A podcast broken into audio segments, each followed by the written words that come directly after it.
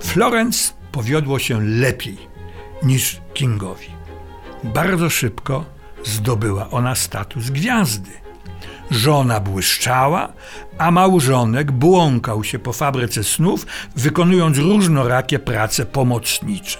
Założył też małe studio. Niewiele to jednak dało. Związek małżeński Florence i Kinga nie wytrzymał tej dysproporcji. Rozwód zwieńczył to krótkotrwałe małżeństwo. Powiem zaraz, że King Vidor był jeszcze dwukrotnie żonaty. I nagle zdarzył się cud. MGM, Metro Goldwyn Mayer, wytwórnia, w której się znalazł, powierzył mu realizację filmu. King Vidor nakręcił swój debiutancki film w 1925 roku Wielką Paradę. Opowieść o przejmujących losach ludzi I wojny światowej, żołnierzy i cywiliów.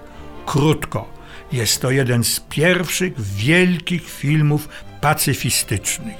Prawdziwy, przejmujący, poruszający, znakomicie zrealizowany.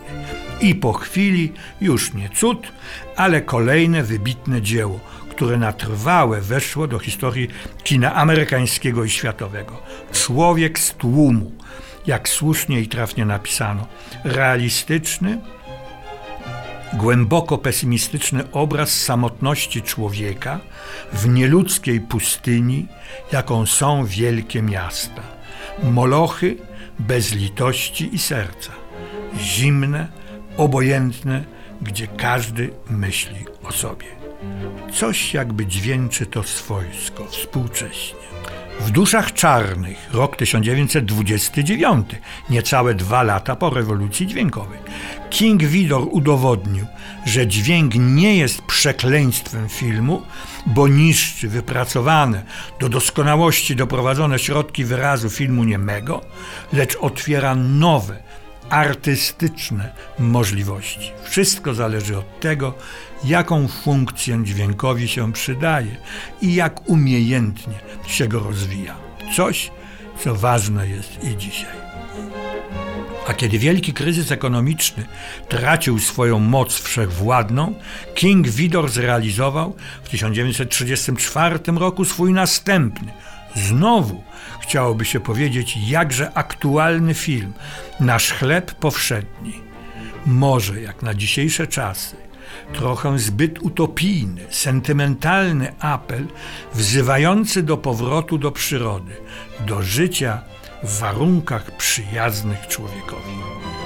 Chyba również na tej fali powstały jego głośne, znakomite westerny Billy the Kid czy Pojedynek w Słońcu, a pewnym ukoronowaniem wszystkich jego działań była wojna i pokój, bo myśli, idee, sposób widzenia świata i ludzi Lwa Tołstoja były mu bardzo bliskie.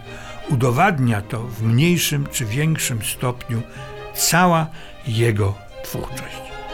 Zakończę tę krótką opowieść o wojnie i pokoju obiecanym, zaskakującym paradoksem.